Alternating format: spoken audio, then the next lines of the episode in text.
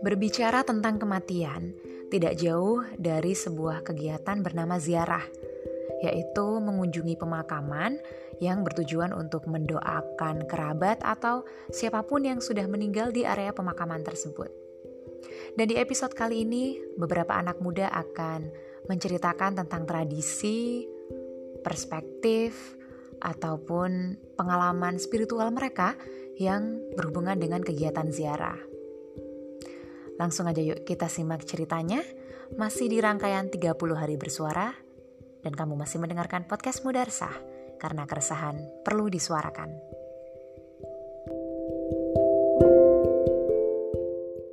Hai, nama aku Tika. Aku ingin ikutan berbagi pengalaman spiritual yang berhubungan dengan ziarah. Jadi kalau di tempatku di daerah Ciwidey, ziarah ini namanya istilahnya adalah nadran. Nadran ini bagi kami adalah sebuah agenda yang sangat penting sekali, terutama ketika kami ada hajat atau mau pergi ke suatu tempat. Yang cukup unik dan menarik adalah, jadi pernah nih kayak misalkan di suatu kejadian seseorang itu bikin hajat gitu kan, ada acara nikahan atau semacam kayak gitu. Nah, tapi ada tiba-tiba ada sesuatu yang di luar ekspektasi, di luar rencana. Ada juga yang uh, pada saat uh, acara itu ada yang kesurupan. Nah, itu tuh diyakini gara-gara oh iya, kemarin sebelumnya belum nadran atau belum ziarah. Jadi uh, betapa pentingnya ziarah ini karena dianggap sebagai salah satu penentu kelancaran dalam suatu acara Terus juga kalau misalkan kita mau e, bepergian, nadran ini tuh kayak semacam minta izin kepada leluhur yang sudah duluan meninggalkan kita gitu. Karena kalau misalkan nggak nadran dulu, ada semacam perasaan yang menurut kami tuh kayak wah, wah ini tuh belum lengkap gitu ya belum afdol lah kayak gitu kayak dan ada rasa khawatir uh, takut kenapa-kenapa di jalan atau takut kenapa-kenapa di tempat tujuan. Jadi kayak semacam nadran itu minta izin, minta doa kepada leluhur yang udah duluan meninggalkan kita. Apalagi kalau misalkan yang bersangkutan orang tuanya udah nggak ada. Nadran merupakan uh, agenda yang sangat wajib sekali demi kelancaran di perjalanan ataupun di di kegiatan atau hajat yang akan dilaksanakan. Seperti itu. Terima kasih. Hai, aku Fadli, 28 tahun. Setelah meninggalnya mbahku, tepatnya tahun 2018 yang lalu, aku jadi rajin ke makam setiap hari Jumat Legi. Kalau enggak Kamis sore, ya Jumat paginya. Menurut kepercayaan Jawa-Jawa kuno sih, kalau Jumat Legi itu arwah-arwah uh, yang di kuburan pada pulang. Itu sih pesan yang aku ingat sampai sekarang. Entah percaya atau enggak yang jelas memang kita sebagai yang ada di dunia ya paling enggak ingatlah sama yang ada di kubur. Jadi biar ingat mati juga. Nah kembali ke pengalamanku dulu. Eh, setelah tiga bulan berselang dari kematiannya mbahku itu aku lupa enggak berkunjung ke makam jadi ini pengalaman pertama. Nggak tahu kenapa mbahku datang ke mimpiku. Jadi yang paling ku inget sih mbahku ngomong le ndak kangen dah ojo nakal-nakal simpateng solate nah itu sempat membuat kepikiran beberapa hari. Mungkin bisa jadi karena aku nggak nyekar Jumat lagi berikutnya aku datang ke makam. Nyekarlah di situ. Ya paling enggak baca-baca sebisa aku sih. Terus beberapa bulan kemudian uh, sempet enggak datang lagi ke makam. Keluarga enggak inget sama kita. Udah ngelewatin siksaan yang pedih tapi malah disia-siain juga sama keluarga nggak ada yang ngedoain. Pasti lebih sakit. Ya mungkin itu yang bisa aku ceritain sepenggal kisah dari pengalaman. Terima kasih. Eh nggak tahu kenapa mbahku datang lagi ke mimpiku. Ya mungkin cuma ngingetin kalau udah waktunya nyambang udah waktunya ngedoain. Dari situ aku mulai ngambil kesimpulan kalau aku nggak datang ke makam nggak nyekar pas Jumat lagi pasti bakal dimimpiin sama mbahku. Mungkin teman-teman juga ada yang pernah ngalamin kayak aku atau nganggap cerita ini uh, fiktif belaka. Ya terserah aja sih. Nah ini salah satu pengalaman yang bisa aku bagiin ke kalian tapi yang jelas datang ke makam nyekar itu bukan soal kita minta didoain atau minta apa-apa di makamnya tapi paling enggak itu buat kita ingat kalau kita nanti pasti bakal baliknya ke situ pasti bakal sendiri Kebayang kan kalau sudah hidup sendiri di kuburan? Hai, gua Anon. Dan di sini gua mau cerita uh, mengenai ziarah. Sebenarnya sejujurnya dalam hidup gua tuh gue baru sekali aja ziarah yang benar-benar serius ziarah tuh satu kali selama hidup gua. BTW gue 20 tahun dan anak muda itu harus banget gitu ziarah. Menurut gua, yang terpenting itu adalah doa. Entah itu lu gak ziarah atau lu ziarah, tapi yang lu harus tahu adalah doain mereka. Karena jujur, waktu ayah gue gak ada, bahkan gue gak nganter dia ke peristirahatan terakhirnya. Juga itu alasan gue kenapa gue baru bilang gue sekali aja ziarah karena gue sebel. Pada suatu hari gue gue berkesempatan untuk uh, ziarah sendiri. Gue sendiri gue niatin, gue udah beli bunga, gue udah beli air mawar buat almarhum ayah gue habis itu gue berangkat gue berangkat ke kuburan tapi karena gue kagak ikut gue nggak ikut ketika ayah gue dimakamin dan gue nggak nemu makam beliau dan itu menyebalkan sih. Karena gue sempat sedih gitu. Terus gue bilang sama ibu gue kan kayak bu perlu nggak sih kita tuh ziarah gitu?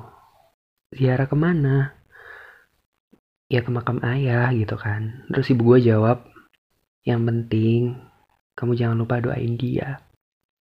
Gitu. Sebagai seorang anak muda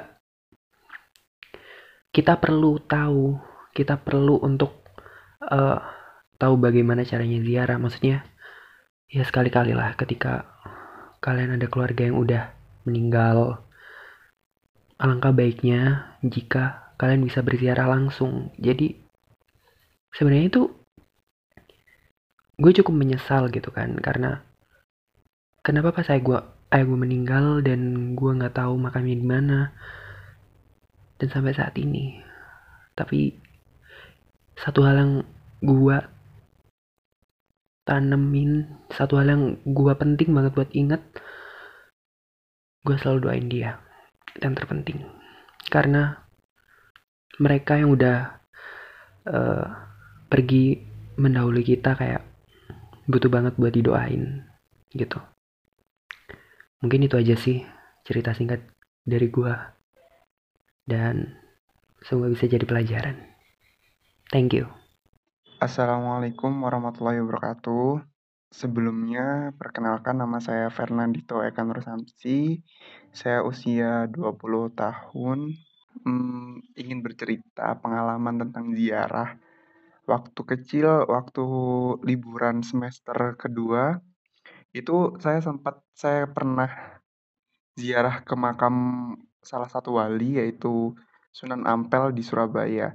Nah, eh, kesan spiritual yang saya dapatkan itu di sana lebih tenang gitu loh. Kalau kita doa, kalau kita kalau kita ngapain aja itu lebih tenang kita mendoakan wali yang sudah meninggal itu lebih tenang sih dan yang paling penting itu kita nggak melupakan tujuan utama kita ziarah untuk mendoa, mendoakan wali itu gitu.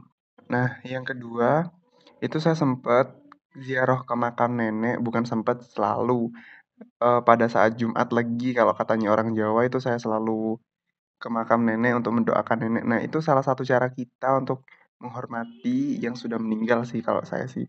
Bukan hanya itu, mungkin kalau saya pengalaman spiritual yang saya dapatkan itu kayak gini.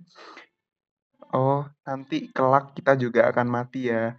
Kalau kita nggak men kalau kita nggak didoain anak cucu kita, bagaimana nanti kita di alam lain gitu loh. Kita butuh doa-doa itu gitu. Jadi itulah alasan saya selalu kayak Jumat Legi selalu ke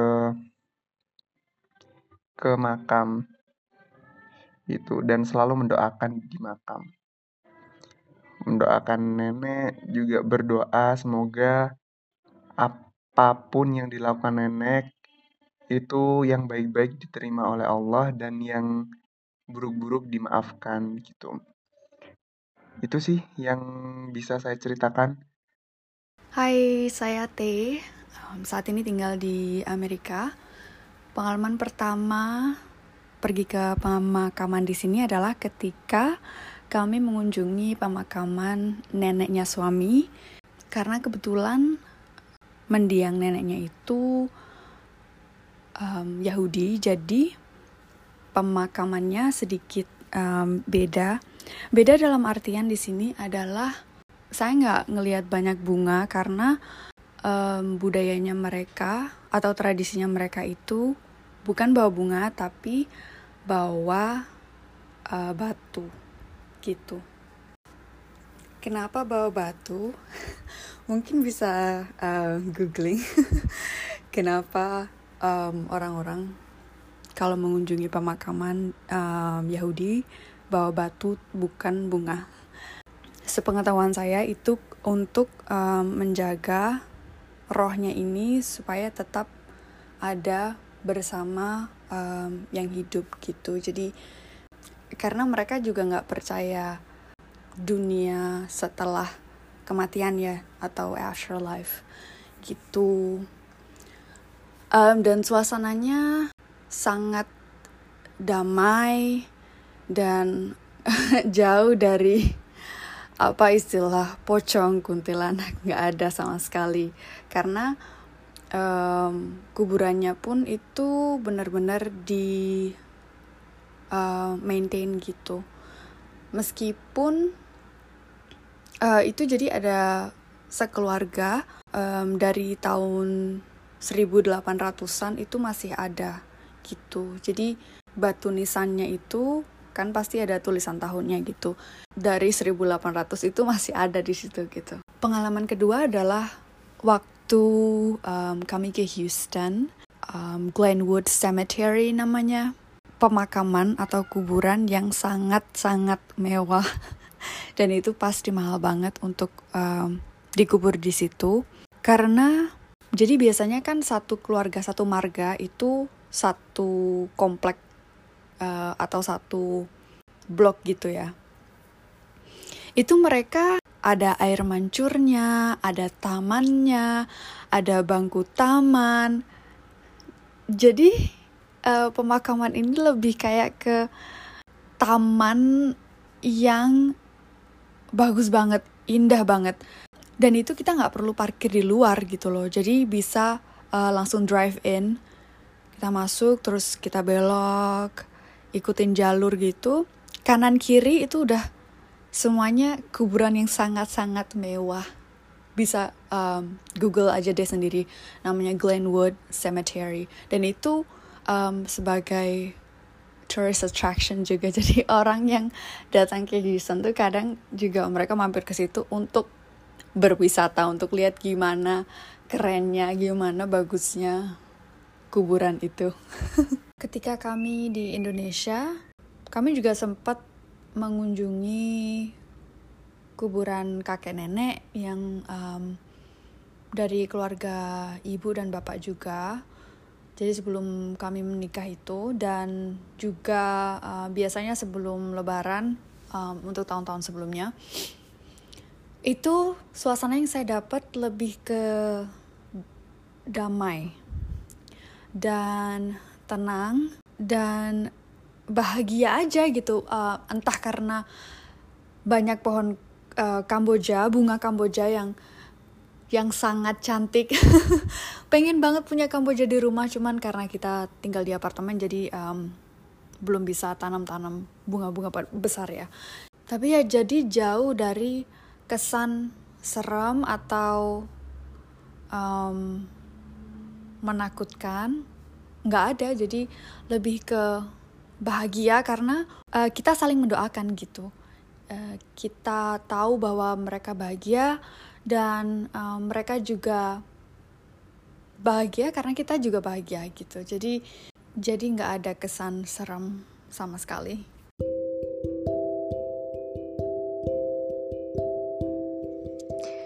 itu dia respon dari para kontributor tentang ziarah Beberapa dari kamu mungkin mengalami hal yang serupa dengan apa yang mereka ceritakan, dan mungkin juga ada dari kamu yang gak sependapat sama perspektif mereka.